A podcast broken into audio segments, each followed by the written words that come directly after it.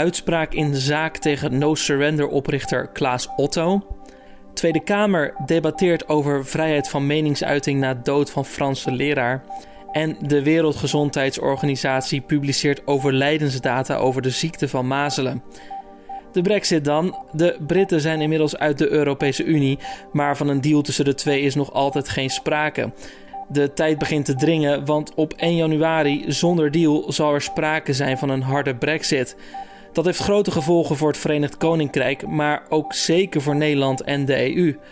De Verenigde Staten hebben een nieuwe president gekozen die op de achtergrond ook toch nog wel eens een grote rol kan gaan spelen.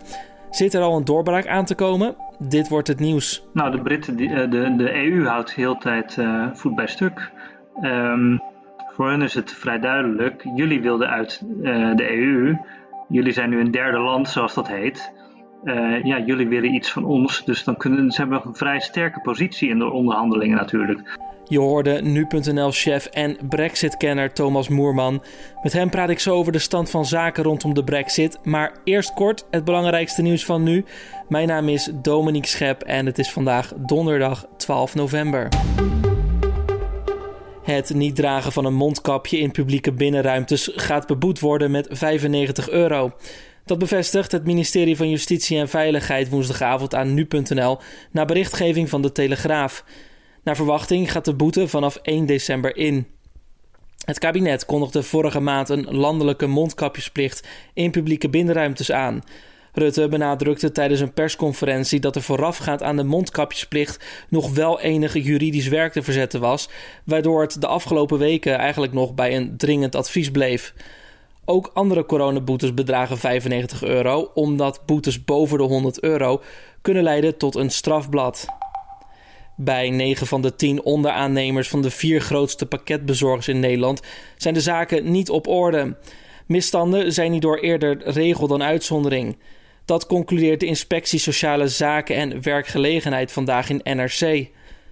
Onder de veel voorkomende misstanden zijn onder meer werklozen die een bezorgbus rijden terwijl ze een uitkering ontvangen. En ook bezorgen chauffeurs zonder geldige verblijfspapieren postpakketten en worden fictieve ondernemingen ingezet om geld weg te sluizen.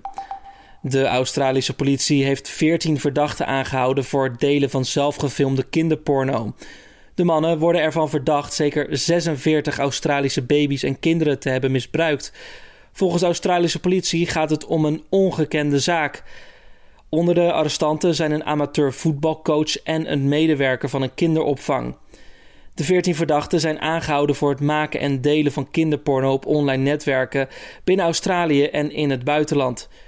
De arrestanten woonden in drie verschillende staten, waaronder New South Wales. Samen worden ze beschuldigd van maar liefst 828 zedendelicten. Sport dan. Het Nederlandse elftal heeft woensdag de oefenwedstrijd tegen Spanje gelijk gespeeld. In de Johan Cruijff Arena werd het 1-1, waardoor bondscoach Frank de Boer nog altijd zonder overwinning is met Oranje. Door het gelijkspel gaat de Boer de boeken in als de eerste bondscoach die niet wint in zijn eerste vier interlands.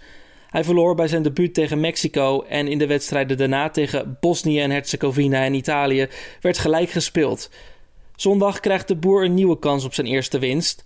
Dan speelt Nederland om 6 uur in de Johan Cruijff Arena opnieuw tegen Bosnië en Herzegovina in de Nations League. Ondernemers denken dat hun omzet volgend jaar zal stijgen ten opzichte van dit jaar en dat ze ook weer personeel kunnen aannemen.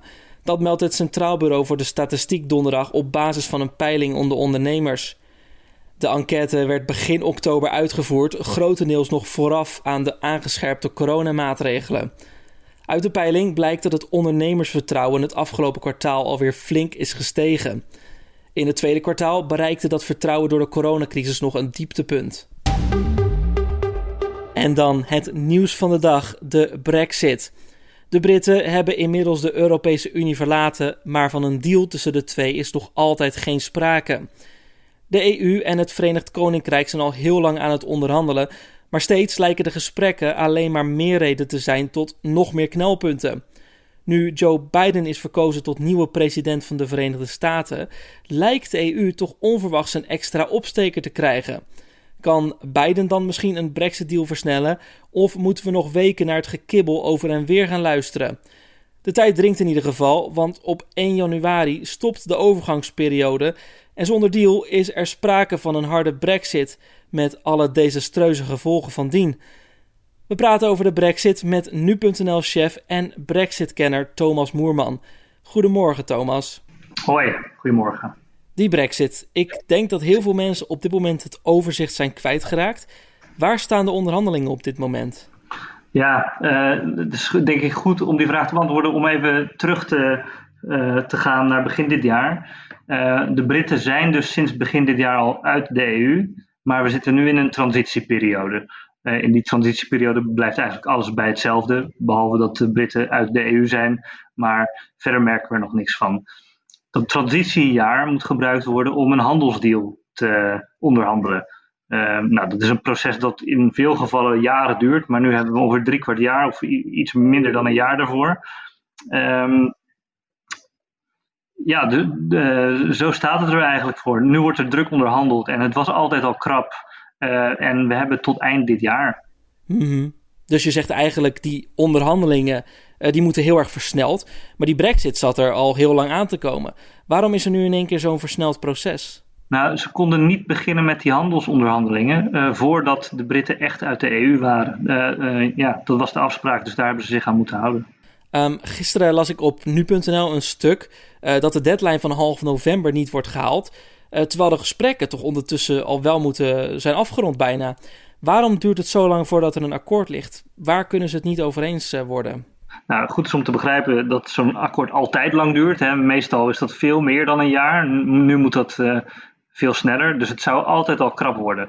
Maar waar ze nu om steggelen, dat gaat vooral om de visserij. Die is bijvoorbeeld heel belangrijk voor de Nederlandse vissers. Die willen graag nog in de, wateren, in de Britse wateren kunnen vissen. Um, en ook het gelijke speelveld. dat betekent dat als je handel uh, voert met elkaar, dat de bedrijven aan beide kanten van de grens wel dezelfde speel, speel, uh, uh, spelregels hebben. Anders is er natuurlijk sprake van oneerlijke concurrentie.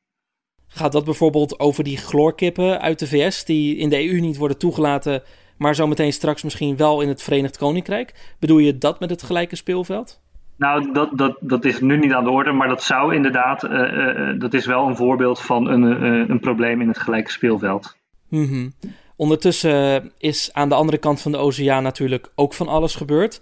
Um, Joe Biden is verkozen tot de nieuwe president van de Verenigde Staten. Zijn hele rol in dit verhaal is ook nogal belangrijk. Kun je uitleggen hoe dit zit? Ja, Joe Biden die heeft, uh, nou, die, die is sowieso geen fan van uh, Boris Johnson. Dat heeft hij in het verleden wel laten merken, maar nu moet hij natuurlijk wel uh, zaken doen met hem. En hij heeft aangegeven dat het Goede Vrijdagakkoord, dat dus bestaat om de vrij, vrede op het Ierse eiland te, te bewaken, dat dat heilig is voor hem.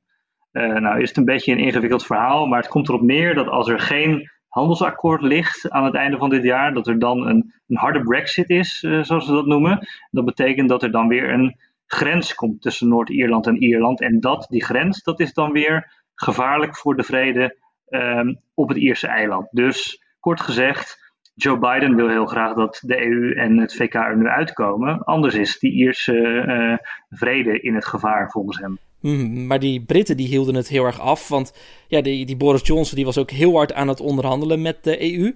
Nu lijkt beide toch uh, aan de kant te gaan staan van de EU, want die willen ook graag een deal. Uh, denk je eigenlijk al dat Boris Johnson nu aan het zweet is? Ja. Uh, want hij was ook wel heel erg snel dit weekend met Joe Biden feliciteren. Ja, natuurlijk, want uh, de Britten die willen ook heel graag een handelsakkoord met de Amerikanen. En Joe Biden heeft ook aangegeven dat uh, als dat, uh, dat Goede Vrijdagakkoord wordt geschonden, dat er dan geen sprake is, kan zijn van een handelsakkoord tussen de Amerikanen en de Britten. Ehm, ja, dus er staat nu wel extra druk op de ketel, waar Donald Trump juist heel duidelijk liet blijken dat die EU, daar heeft hij een hekel aan. En uh, bijna om die EU te sarren uh, gooide die ongeveer een handelsakkoord naar, naar de Britten. Mm -hmm. Veel van die voorstellen die de EU-onderhandelaars en de Britten met pijn en moeite formuleren, sneuvelen uiteindelijk in het Britse parlement, uh, die vervolgens weer terug aan de tekentafel moeten. Hoe gaat de EU eigenlijk steeds om met die wispelturige Britten die, die telkens weer iets anders willen? Nou, de Britten, die, de, de EU houdt heel tijd uh, voet bij stuk. Um, voor hen is het vrij duidelijk. Jullie wilden uit uh, de EU, jullie zijn nu een derde land, zoals dat heet. Ja, jullie willen iets van ons, dus dan kunnen ze hebben een vrij sterke positie in de onderhandelingen natuurlijk. Ze willen natuurlijk wel er heel graag uitkomen, maar je moet niet vergeten dat de Europese economie, het handelsblok, veel groter is dan die van de Britten.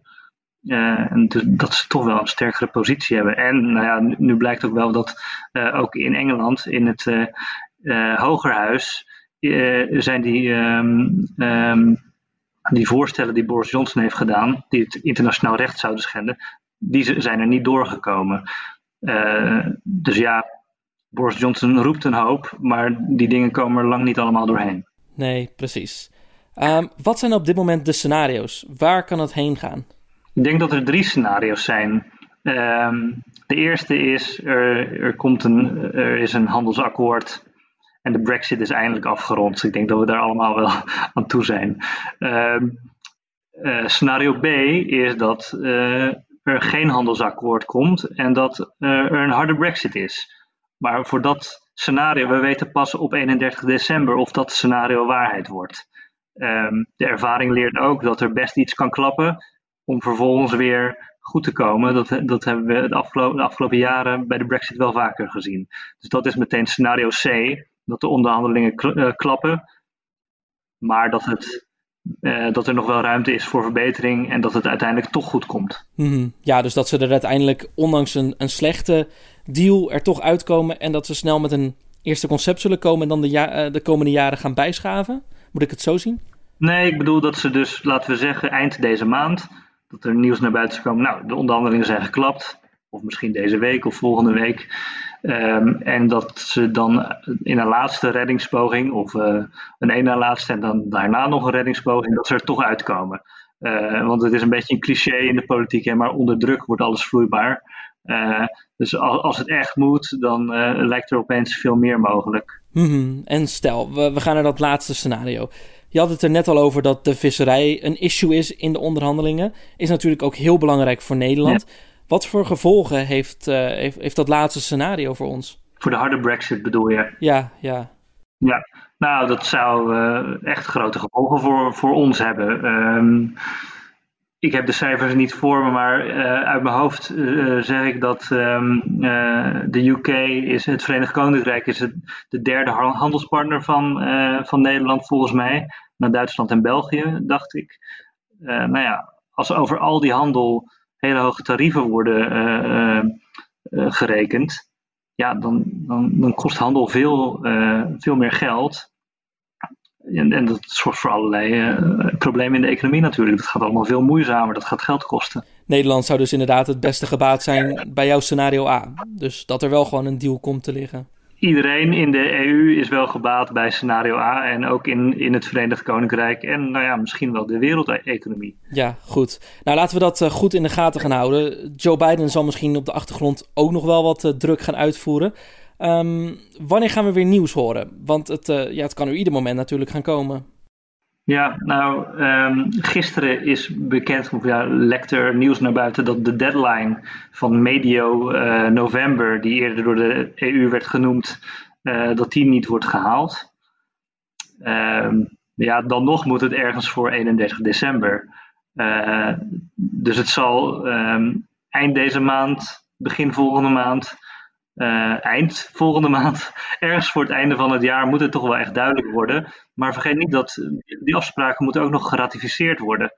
Uh, en dat kost ook tijd. Dus u, u, ja, op uh, eh, 31 december dan is het wel te laat. Het zal wel voor die tijd moeten. Ja, ze kunnen inderdaad niet op 31 december om 1 minuut voor 12 nog met een akkoord komen. Dan zijn ze echt te laat. Nee, precies. Je hoorde nu.nl Brexit-volger Thomas Moerman over de Brexit. En als die doorbraak er komt, dan lees je dat natuurlijk als eerste op nu.nl. Dan een kijkje in de nieuwsagenda voor deze dag. Vandaag doet de rechter uitspraak in een zaak tegen No Surrender-oprichter Klaas Otto. Hij wordt ervan verdacht dat hij vanuit zijn cel getuigen veel geld zou hebben geboden om hun verklaringen in te trekken. De Brabander zou een van zijn advocaten briefjes met opdrachten hebben gegeven tegen de advocaat is een taakstraf geëist. Als het aan het OM ligt, gaat Otto zelf 21 maanden de cel in. De Tweede Kamer debatteert vanochtend over de moord op een Franse leraar en de vrijheid van meningsuiting. Aanleiding is de moord op een Franse leraar nadat hij in een les over vrijheid van meningsuiting spotprenten van de profeet Mohammed had laten zien. Ook in Nederland is de laatste tijd veel te doen om de vrijheid van meningsuiting. Zo moest in Nederland een leraar van een Rotterdamse school onderduiken vanwege een spotprent die hij in de klas had hangen. Een leraar in Den Bosch voelde zich onveilig nadat er in een les over de vrijheid van meningsuiting een cartoon van Mohammed werd getoond. En tot slot vandaag, de Wereldgezondheidsorganisatie publiceert in samenwerking met de VS vandaag data over het sterftecijfer wereldwijd als gevolg van de mazelen in de periode 2016-2019. De ziekte mazelen komt steeds vaker voor in Nederland. De laatste epidemie van de mazelen was in 2013 en 2014. En dan een kijkje naar het weer nog voor deze donderdag van Weerplaza. Vanochtend trekt een regengebied van zuidwest naar noordoosten over het land. Daarna breekt de zon af en toe door, maar in het noorden kan het de hele dag nog blijven regenen. De temperatuur ligt rond de 12 graden. De matige, aan zee soms krachtige wind draait van het zuiden naar het zuidwesten. En dan nog dit. 30 jaar geleden komen de Brit Tim Berners-Lee en de Vlaming Robert Caillot met een voorstel dat de wereld voor altijd zal veranderen. Ze creëren namelijk samen het World Wide Web, oftewel het WWW. De twee zochten naar een systeem waarmee alle computers binnen het bedrijf waar ze werkten met elkaar konden communiceren. In maart 1989 kwam Berners-Lee al met het idee, maar dat was nog weinig concreet. Hun voorstel World Wide Web Proposal for a Hypertext Project van de twee ingenieurs zou het gebruik van computers wereldwijd gaan beïnvloeden. En tot zover deze ochtendpodcast van donderdag 12 november. Heb je tips of feedback? Mail ons dan via podcastapenstaartje nu.nl. Mijn naam is Dominique Schep. Ik wens je nog een fijne donderdag en tot morgen.